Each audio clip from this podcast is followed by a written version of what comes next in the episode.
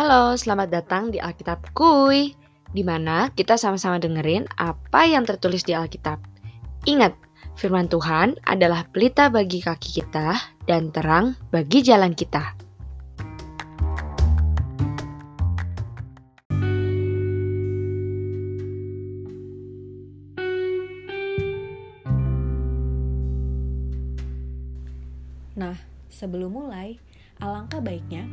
Untuk berhenti sejenak dari kegiatan, mengambil waktu untuk berdoa, mempersiapkan hati dan pikiran kita dalam menerima firman Tuhan.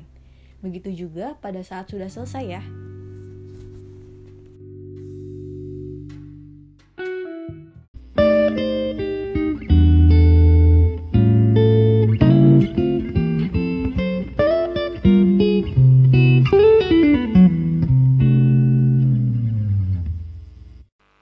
Kejadian 22 Kepercayaan Abraham diuji Setelah semuanya itu, Allah mencoba Abraham. Ia berfirman kepadanya, Abraham. Lalu sahutnya, Ya Tuhan. Firmannya, Ambillah anakmu yang tunggal itu, yang engkau kasihi, yakni Ishak. Pergilah ke tanah Moria, dan persembahkanlah dia di sana sebagai korban bakaran pada salah satu gunung yang akan kukatakan kepadamu. Keesokan harinya, pagi-pagi bangunlah Abraham. Ia memasang pelana keledainya dan memanggil dua orang bujangnya beserta Ishak, anaknya. Ia membelah juga kayu untuk korban bakaran itu, lalu berangkatlah ia dan pergi ke tempat yang dikatakan Allah kepadanya. Ketika pada hari ketiga Abraham melayangkan pandangnya, kelihatanlah kepadanya tempat itu dari jauh. Kata Abraham kepada kedua bujangnya itu, Tinggallah kamu di sini dengan keledai ini.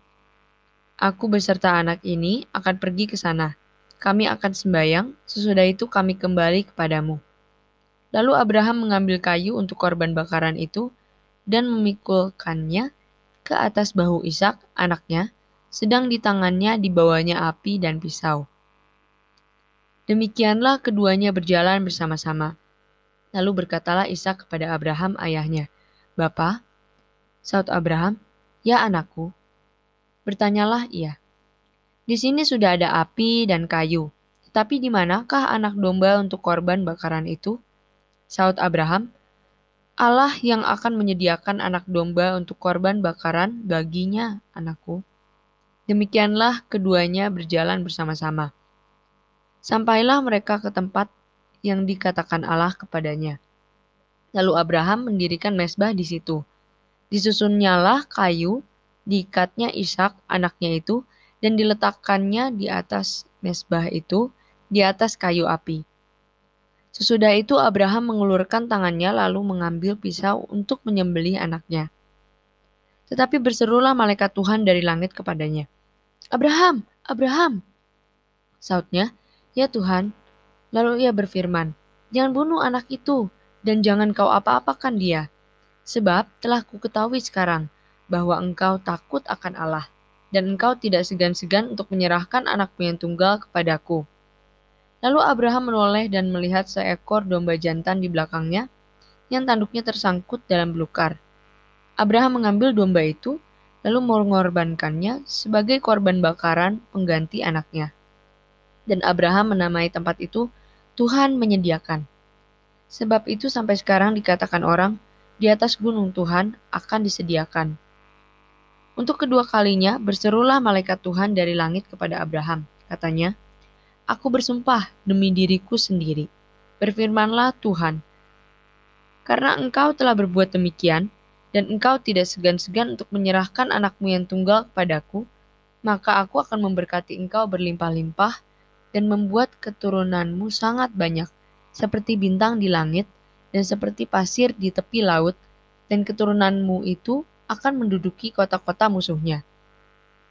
Oleh keturunanmu lah, semua bangsa di bumi akan mendapat berkat, karena engkau mendengarkan firmanku. Kemudian kembalilah Abraham kepada kedua bujangnya, dan mereka bersama-sama berangkat ke Beersheba, dan Abraham tinggal di Beersheba. Keturunan Nahor Sudah itu Abraham mendapat kabar. Juga Milka, telah melahirkan anak-anak lelaki bagi Nahor saudaramu. Us, anak sulung, dan Bus, adiknya, dan Kemuel, ayah Aram. Juga Keset, Hazo, Pildas, Yitlaf, dan Betuel. Dan Betuel memperanakan Ribka. Delapan orang inilah dilahirkan Milka bagi Nahor, saudara Abraham itu. Dan gundik Nahor, yang namanya Reuma, melahirkan anak juga, yakni Tebah, Gaham, Tahash, dan Maakha.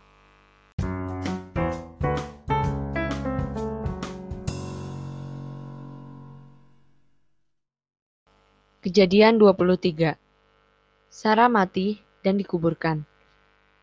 Sarah hidup 127 tahun lamanya. Itulah umur Sarah. Kemudian matilah Sarah di Kiryat Arba, yaitu Hebron, di tanah Kanaan. Lalu Abraham datang meratapi dan menangisinya.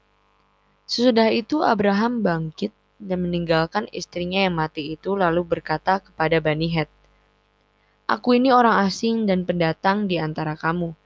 Berikanlah kiranya kuburan milik kepadaku di tanah kamu ini, supaya kiranya aku dapat mengantarkan dan menguburkan istriku yang mati itu. Bani Het menjawab Abraham, Dengarlah kepada kami, Tuanku. Tuanku ini seorang raja agung di tengah-tengah kami. Jadi kuburkanlah istrimu yang mati itu dalam kuburan kami yang terpilih tidak akan ada seorang pun dari kami yang menolak menyediakan kuburannya bagimu untuk menguburkan istrimu yang mati itu. Kemudian bangunlah Abraham lalu sujud kepada Bani Het, penduduk negeri itu, serta berkata kepada mereka, Jika kamu setuju bahwa aku mengantarkan dan menguburkan istriku yang mati itu, maka dengarkanlah aku dan tolonglah mintakan dengan sangat kepada Efron bin Zohar, supaya ia memberikan kepadaku gua Makpela miliknya itu yang terletak di ujung ladangnya, baiklah itu diberikannya kepadaku dengan harga penuh untuk menjadi kuburan milikku di tengah-tengah kamu. Pada waktu itu Efron hadir di tengah-tengah Bani Het. Maka jawab Efron, orang Het itu kepada Abraham yang didengar oleh Bani Het, oleh semua orang yang datang di pintu gerbang kota. Tidak, tuanku, dengarkanlah aku. Ladang itu kuberikan kepadamu, dan gua yang di sana pun kuberikan kepadamu. Di depan mata orang-orang sebangsaku, kuberikan itu kepadamu. Kuburkanlah istrimu yang mati itu. Lalu sujudlah Abraham di depan penduduk negeri itu, serta berkata kepada Efron dengan didengar oleh mereka. Sesungguhnya jika engkau suka, dengarkanlah aku. Aku membayar harga ladang itu, terimalah itu daripadaku, supaya aku dapat menguburkan istriku yang mati itu di sana. Jawab Efron kepada Abraham, Tuanku, dengarkanlah aku. Sebidang tanah dengan harga 400 hikal perak, apa artinya itu bagi kita? Kuburkan sajalah istrimu yang mati itu. Lalu Abraham menerima usul Efron. Maka ditimbangnya lah perak untuk Efron, sebanyak yang dimintanya dengan didengar oleh Bani Het itu 400 shikal perak, seperti yang berlaku di antara para saudagar. Demikianlah ladang Efron, yang letaknya di Mahpela, di sebelah timur Mamre, ladang dan gua yang di sana, serta segala pohon di ladang itu, bahkan di seluruh tanah itu sampai ke tepi-tepinya. Diserahkan kepada Abraham menjadi tanah belian di depan mata Bani Het itu, di depan semua orang yang datang di pintu gerbang kota. Sesudah itu Abraham menguburkan Sarah, istrinya, di dalam gua ladang Mahpela itu. Di sebelah timur Mamre, yaitu Hebron, di tanah Kanaan. Demikianlah dari pihak Bani Het, ladang dengan gua yang ada di sana diserahkan kepada Abraham menjadi kuburan miliknya.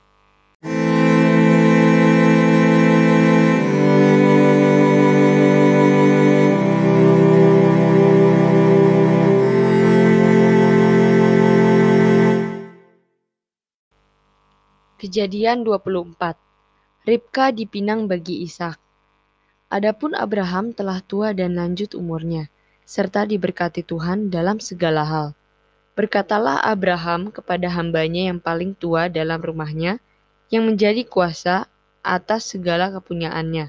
Katanya, Baiklah letakkan tanganmu di bawah pangkal pahaku, supaya aku mengambil sumpahmu demi Tuhan, Allah yang punya langit dan yang punya bumi, bahwa engkau tidak akan mengambil untuk anakku seorang istri dari antara perempuan Kanaan yang di antaranya aku diam. Tetapi engkau harus pergi ke negeriku dan kepada sanak saudaraku untuk mengambil seorang istri bagi Ishak anakku. Lalu berkatalah hambanya itu kepadanya, Mungkin perempuan itu tidak suka mengikuti aku ke negeri ini.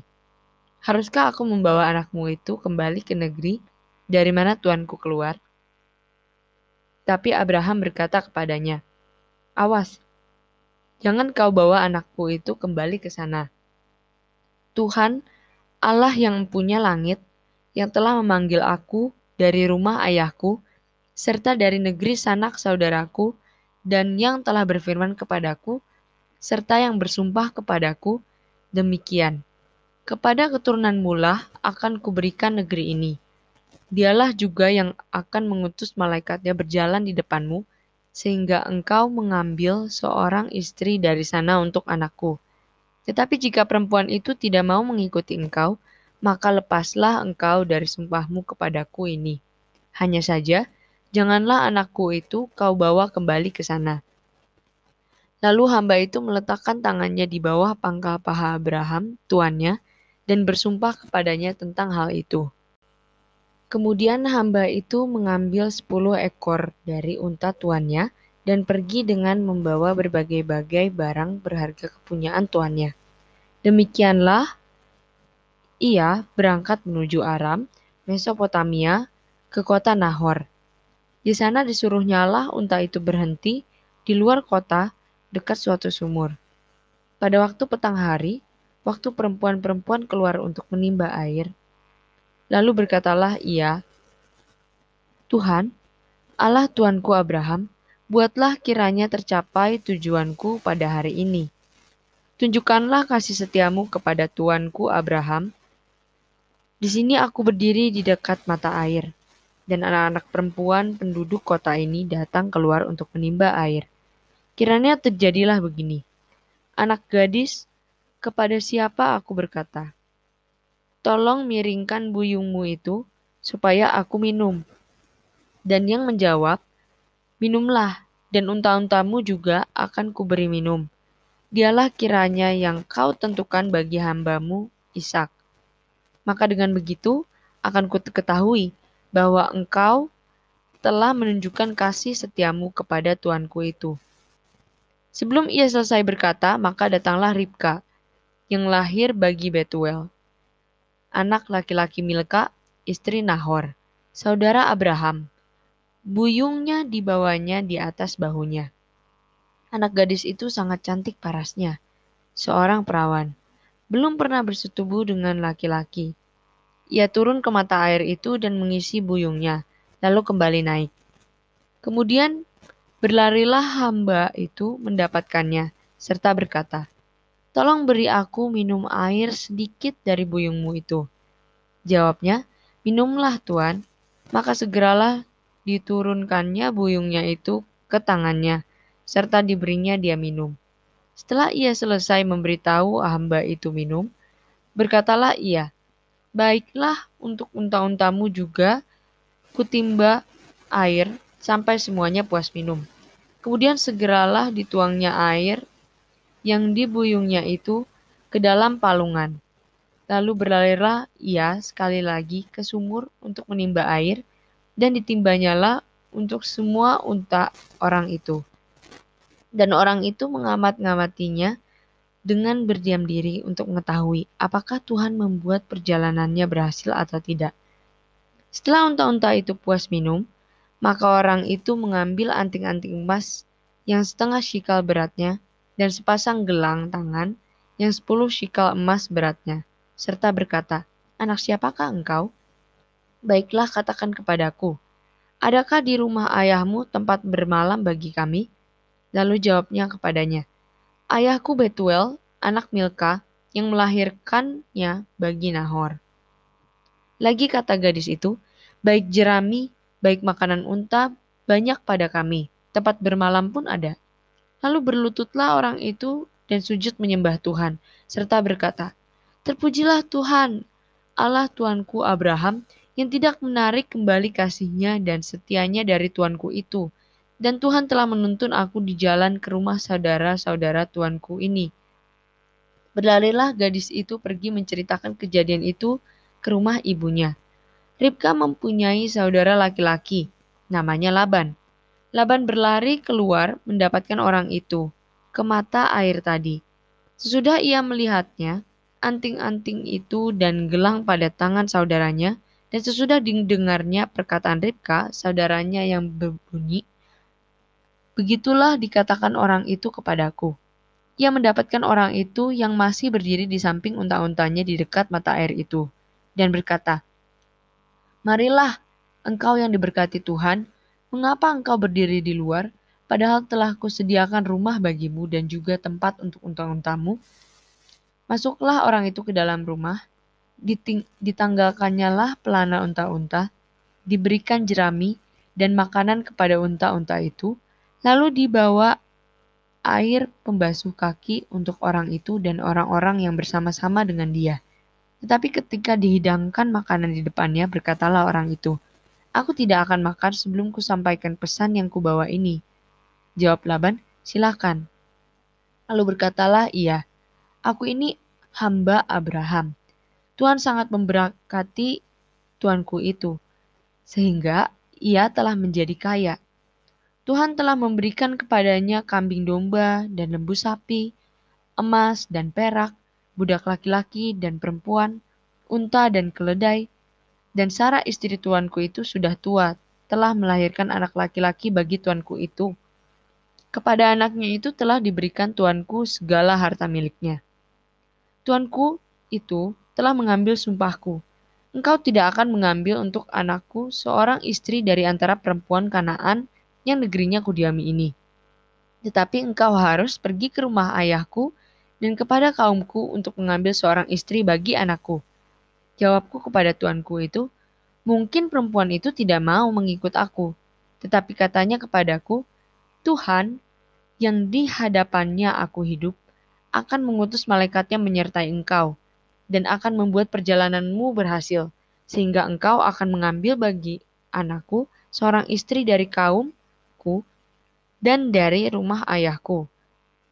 Barulah engkau lepas dari sumpahmu kepadaku, jika engkau sampai kepada kaumku, dan mereka tidak memberikan perempuan itu kepadamu, hanya dalam hal itulah engkau lepas dari sumpahmu kepadaku.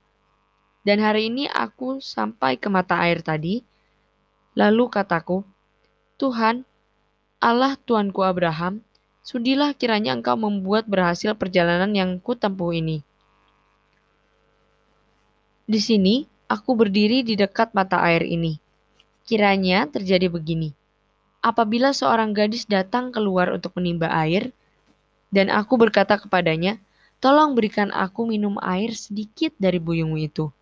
Dan ia menjawab, minumlah, dan untuk unta-untamu juga akan kutimba air. Dialah kiranya istri yang telah Tuhan tentukan bagi anak tuanku itu.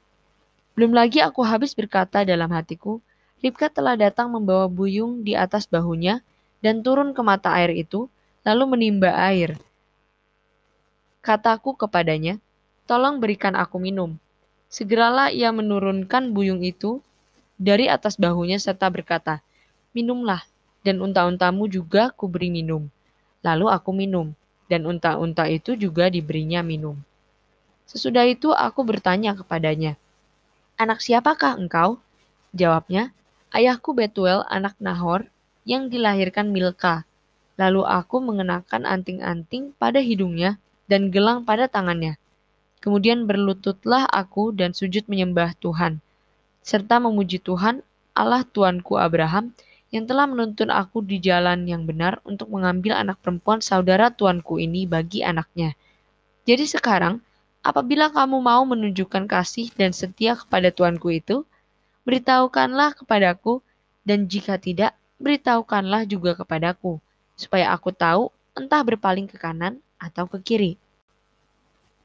Lalu Laban dan Betuel menjawab, semuanya ini datangnya dari Tuhan. Kami tidak dapat mengatakan kepadamu baiknya atau buruknya. Lihat, Ribka ada di depanmu. Bawalah dia dan pergilah, supaya ia menjadi istri anak tuanmu seperti yang difirmankan Tuhan. Ketika hamba Abraham itu mendengar perkataan mereka, sujudlah ia sampai ke tanah menyembah Tuhan. Kemudian hamba itu mengeluarkan perhiasan emas dan perak, serta pakaian kebesaran dan memberikan semuanya itu kepada Ribka. Juga kepada saudaranya dan kepada ibunya diberikannya pemberian yang indah-indah.